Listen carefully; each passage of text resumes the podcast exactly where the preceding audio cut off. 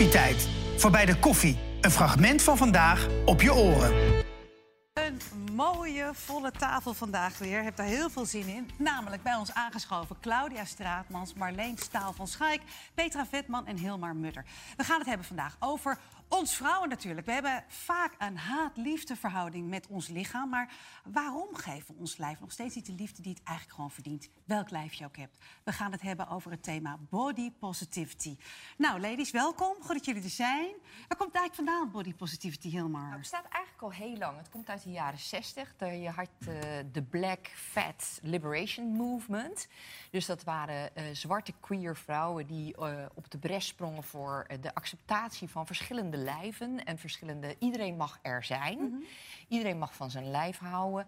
Iedereen. Uh, uh, het zou zo mooi zijn als iedereen ook accepteert dat er andere lijven zijn. Dus niet alleen maar van jezelf houden, maar ook van uh, ja, dat hele scala aan, aan mogelijkheden die er zijn. klein, groot, dik, dun, oud, jong. welke kleur. Um, Noem maar op. Ja, we mogen er allemaal zijn. zijn. En ja. zo is het ook, ja. Nou, jij bent er ook, Marleen. Want het ja. is de eerste keer hier aan tafel. Ja, Gezellig dat je zijn. erbij bent. Ja. Nu is het zo dat jullie alle vier trouwens schrijven over, over vrouwen natuurlijk... met jullie bladen, van jong tot oud. Nu is het ook zo dat onzekerheid bij vrouwen vaak al heel jong begint in de puberteit. Ik denk dat we dat allemaal wel herkennen. Wat, wat merk jij daarvan bij jonge vrouwen bij de Flair? Nou, onze doelgroep die komt al langere tijd uit de puberteit. Maar die is zichzelf bewuster dan ooit. Dus die zit midden in een periode in haar leven waarin ze heel erg aan het ontwikkelen is. Wie ben ik? Wat wil ik? Uh, maar ook een hyperfocus op haar lijf. Van, ja, wat Ja. straal ik uit? Um, die komt ook in een periode terecht waarin social media natuurlijk orde van de dag is. We zijn allemaal hartstikke verslaafd aan ons telefoontje. Ja. Dus we zien beelden en rolmodellen voorbij komen waarom, waaraan we onszelf willen meten. Um, maar dat is niet altijd realistisch. Um, en Heel daarbij niet. Nee, totaal niet. Ja. En dan hebben we ook nog het nadeel dat het vrouwenlijf heel erg onderhevig is aan trends. Wat eigenlijk van de zotte is en heel erg idioot. Want hoezo Ja. is een lijf onderhevig aan trends? Alsof het iets maakbaars is. Ja, dat is wel iets wat van de catwalks afkomt ook. Hè? Die Absoluut. trends, Ja.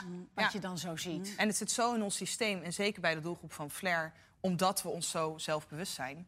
ehm, dat we het maar kunnen veranderen wanneer we willen. Eh, het ene moment zijn dikke billen eh, een trend en willen we daarin mee. Het volgende moment, zoals nu, is heroïne chic eh, een trend.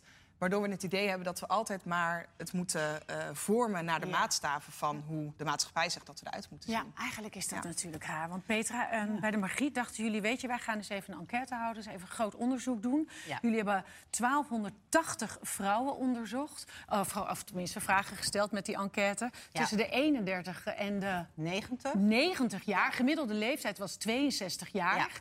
Eh, wat is daar uitgekomen uit die enquête? Daar is uitgekomen, de, de eh, vraag was hoe oud ben je en hoe oud voel je je? Ja? En eh, eh, gemiddeld voelen vrouwen zich 13 jaar jonger dan ze zijn. Dus die, vrouw, die gemiddelde vrouw van 62, die voelt zich gemiddeld 49. Dat is fantastisch. En hoe komt dat? Omdat vrouwen zeggen, ja, lichamelijk word ik wel ouder, maar geestelijk niet. Ik, ik voel mij nog hetzelfde als eh, toen.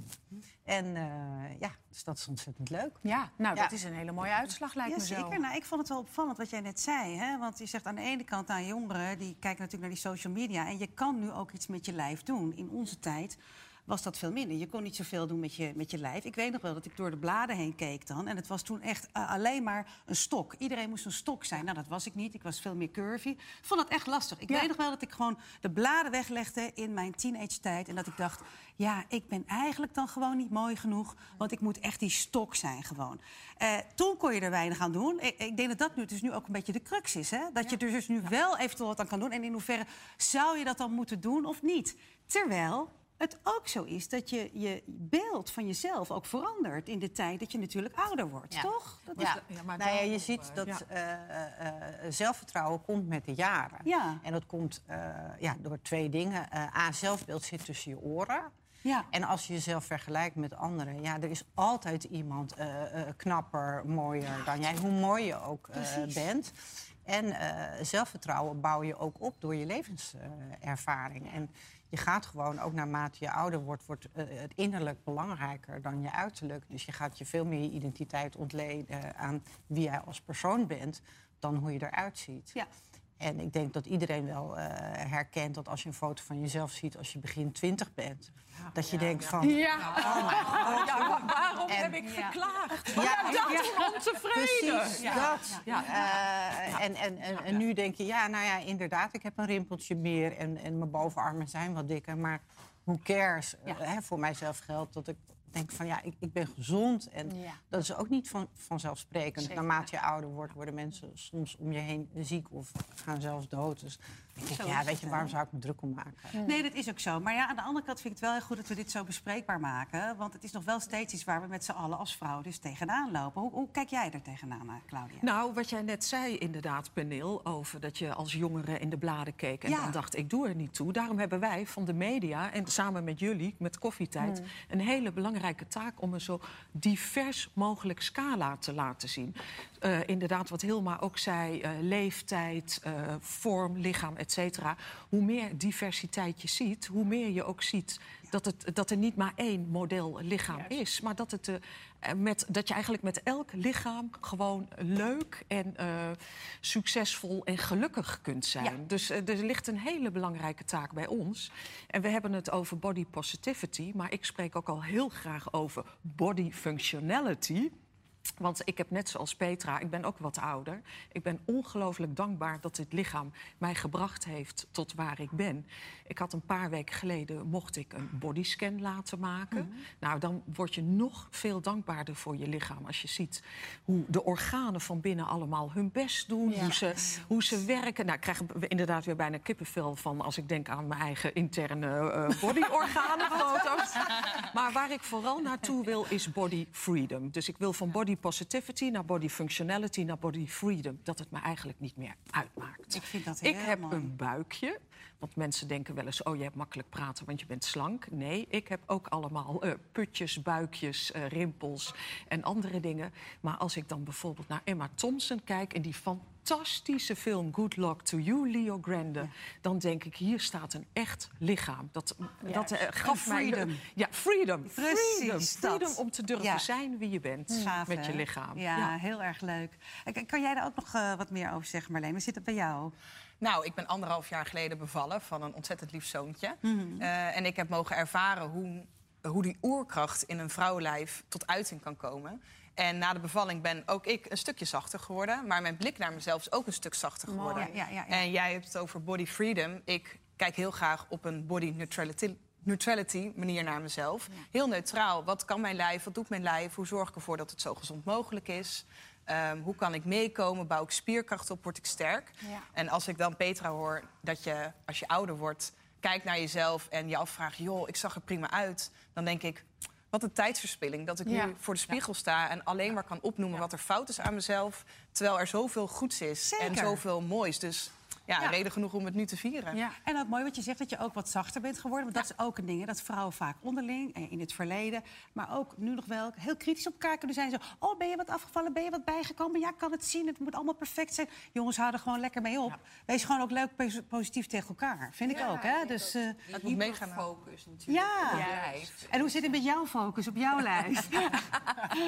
Ah ja, ik denk dat is het voordeel van body neutrality. Daar gaat het erover dat je eh, neutraal en juist die extreme van positief en negatief, dat je die eh, ehm, eigenlijk moet zien eh, ja, weg te werken. En neutraal te kijken naar je lichaam in plaats van de ene keer.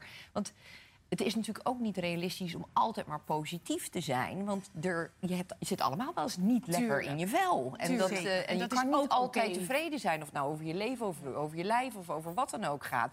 Dus dat accepteren dat het soms ook... Weet je, dat je je niet zo voelt, is ook goed. En zelf ga ik elke zaterdagochtend eh, model tekenen.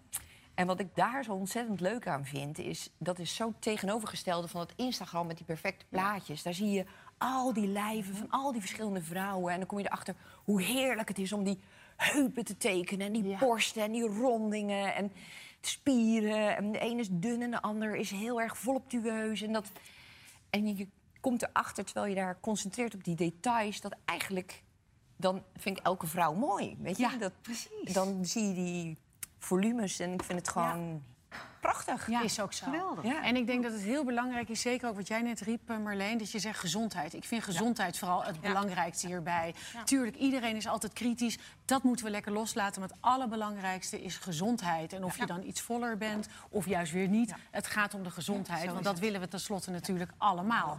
Maar feit is dat wij vrouwen, en waarom we het doen, ik weet het niet, blijven toch altijd vergelijken. We blijven ons altijd vergelijken met anderen. Hoe komt dat nou toch? Ja, volgens mij eh, ligt daar ook een soort van evolutieleer eh, aan ten grondslag.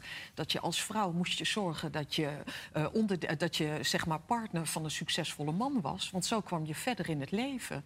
En eh, daardoor was ook het idee slank is succesvol of een mooie vrouw Ah, maar maakt de- meer kans om. was slank nog Ja. niet eens succesvol. Hè? Want Nee, dat klopt. In Rubens. Tijdens eh, Rubens was dat het het juist een Ja. teken van welvaart Ja. was Ja. om, om, om, een lekkere Ja. romige eh, Ja, vormen dat, te hebben. dat klopt helemaal. Ten tijde van Maar het Rubens, is wel zo inderdaad. dat vrouwen eh, altijd al zijn afgerekend op hun uiterlijk. Juist, En dat is nog ja. steeds zo. Daar begonnen we mee. En het is nu wel dat zo, ook in dit tijdsgewicht. Want ehm, eh, als je kijkt naar dus die, die 60-plus vrouw... die is wel in een andere tijd opgegroeid met andere waarden. En ook een tijd zonder internet en zonder social media. En je ziet dat zij haar waarde eerder ontleent aan, ehm, aan de omgeving... aan wat ze doet, eh, aan zichzelf. En dat is natuurlijk in deze tijd met social media... waarin... ehm, superknappe influencers heel dichtbij lijken, maar eigenlijk veraf eh, Ja. zijn eh, ook wel lastiger. Ik denk ook voor de jeugd en nu is het veel worden nog steeds op hun uiterlijk afgerekend, helaas. Ja, Nou, de nee, wereld daarom. ligt aan je voeten. Dus Daarom. er zijn ook heel veel beelden die aan je voeten liggen. Dus het is heel makkelijk om jezelf continu te vergelijken. En de ene dag is dit een trend en de andere dag is dat een trend. Ja, en en dan je moet je er maar even allemaal bij gaan benen. Ja, dat is eh, niet te doen. Ja, Maar het, het is iets geks, want aan de ene kant leren we om, vooral de laatste tijd natuurlijk, onszelf te omarmen. Te Ons, onszelf lief te Ja, hebben, hebben. wat natuurlijk heel belangrijk is. Hou van jezelf zoals je bent. Maar aan de andere kant vinden we onszelf ook weer niet goed genoeg. Hè, in zijn algemeenheid. Ehm, als bladenmakers, want jullie maken natuurlijk allemaal bladen voor vrouwen. Hilmar, hoe kijken jullie daarnaar? Nou ja, dat is natuurlijk best een spagaat. Want Ja. je, eh, je ziet ook om je heen eh, dat er heel veel vrouwen zijn die wel eh, willen afvallen. Moet je dat dan nog wel of niet brengen? En ik denk dat de, de, de focus op eh, een duurzame, gezonde lifestyle. eh, dat daar de focus meer naartoe is gegaan in de afgelopen jaren. En dat is natuurlijk beter dan welk crash-dieet dan ook. En er helemaal niet over schrijven vind ik ook niet realistisch. Ik heb ooit bij een magazine gewerkt, er mocht er niet over geschreven worden, terwijl de hele redactie. Was mee, alleen, maar, bezig? alleen de hele dag Ja. mee bezig. En ik heb nog nooit zoveel vrouwen alleen maar crackers met hutekezen zien eten. dat ik echt dacht van, jongens, come on. Ja, ja. dus dat... eh, laat, wees daar gewoon eh, eh, realistisch en eerlijk in. Dat, dat mag ook. Weet je? je mag er ook voor kiezen om te zeggen van... nou ja, ik wil wel in deze broek blijven passen. Ja, dat is ook een keuze. Maar het is ook niet zo zwart-wit. Ik denk dat het uitgangspunt ook heel anders is. Als jij wil afvallen omdat je een gezonde levensstijl nadraagt... is dat heel anders dan dat je wil afvallen omdat je het idee hebt dat je aan iets moet voldoen. Ja, dat klopt. Dus heb het je is- de crux mee te Ja. pakken, Ja. absoluut. Dat is een Ja. hele mooie. Ja. Nou goed, we gaan het allemaal lezen. Fijn dat jullie ons ook weer voeden met allemaal geweldige invalshoeken voor verschillende leeftijden en allemaal verschillende vrouwen. Wil je kans maken op een bladenpakket? Ga dan heel eventjes naar onze site, want dan geven we dat weg. Dank jullie wel. Leuk.